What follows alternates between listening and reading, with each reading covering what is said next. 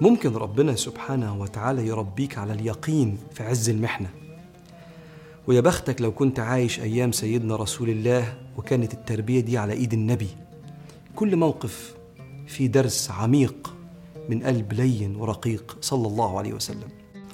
سيدنا أبو هريرة بيحكي بيقول كان فقير جدا يقول إن كنت لأعتمد بكبدي على الأرض من شدة الجوع وإن كنت لأشد الحجر على بطني من الجوع ولقد قعدت يوما على طريقهم الذي يخرجون منه. قعد بره المسجد في الطريق كده فمر بي أبو بكر فسألته عن آية من كتاب الله. إنها لمعي أنا عارفها كويس. والله ما سألته إلا ليشبعني. فمر بي وأجاب ولم يفعل. ثم مر بي عمر بن الخطاب فسألته عن آية من كتاب الله وإنها لمعي وما سألته إلا ليشبعني. فأجاب ومر ولم يفعل. ثم مر بي أبو القاسم صلى الله عليه وسلم. فتبسم حين رآني. كان سيدنا رسول الله يعرفهم من نظرة عينيهم. قال وعرف ما في نفسي وما في وجهي. ثم قال أبا هر. قلت لبيك يا رسول الله. قال الحق بنا. ومضى فتبعته فدخل البيت فاستأذن فدخل فوجد لبنا في قدح يعني زي كوز أو حاجة زي كده. فقال من أين هذا اللبن؟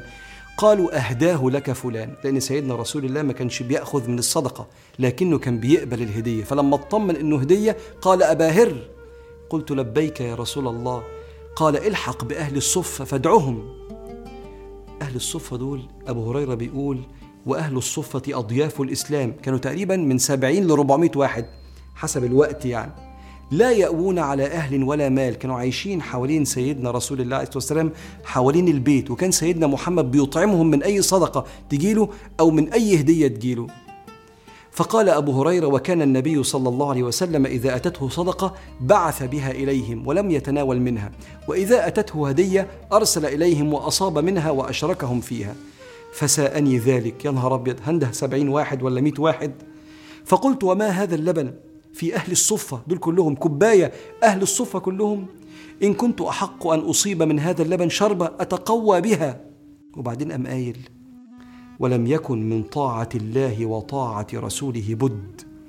النبي قال كده هعمل كده.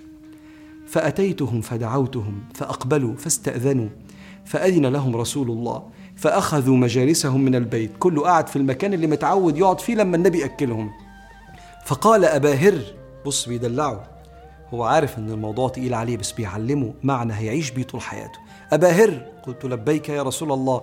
قال خذ فأعطهم. قال فأخذت القدح الكباية. فجعلت أعطيه الرجل فيشرب حتى يروى ثم يرد إلي القدح. فأعطيه الرجل فيشرب حتى يروى ثم يرد علي القدح. سبعين واحد. قال حتى انتهيت إلى النبي صلى الله عليه وسلم وقد روى القوم كلهم. فأخذ النبي صلى الله عليه وسلم القدح فوضعه في يدي ثم نظر إلي وتبسم. قال أبا هر قلت لبيك يا رسول الله. قال بقيت أنا وأنت. قلت صدقت يا رسول الله. قال اقعد. فقعدت. قال اشرب فشربت.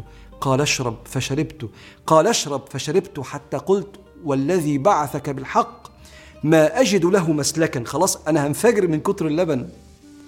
قال فهات القدح فأخذ القدح صلى الله عليه وسلم فحمد الله وسمى بسم الله والحمد لله وشرب الفضل الحبة اللي متبقيين رباهم سيدنا رسول الله عليه الصلاة والسلام على اليقين في البركة وإن إحنا نشارك بعض في الأرزاق مهما قلت. هم عاشوا معاه أجمل معاني وإنت لو قريت سيرته هتتعلمها إنت كمان. أنا كنت بحكي القصة دي لحضراتكم عشان أقول لك ده جمال النبي عليه الصلاة والسلام. وأقول لك إنك كل ما تتعرف عليه هتورث من جماله. بس أنت اقرأ عنه كتير واسمع عنه كتير هتحبه. وابقى جرب وأوصف.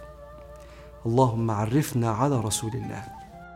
وزين حياتنا بالقرب من رسول الله. ونجنا في الآخرة بشفاعة رسول الله.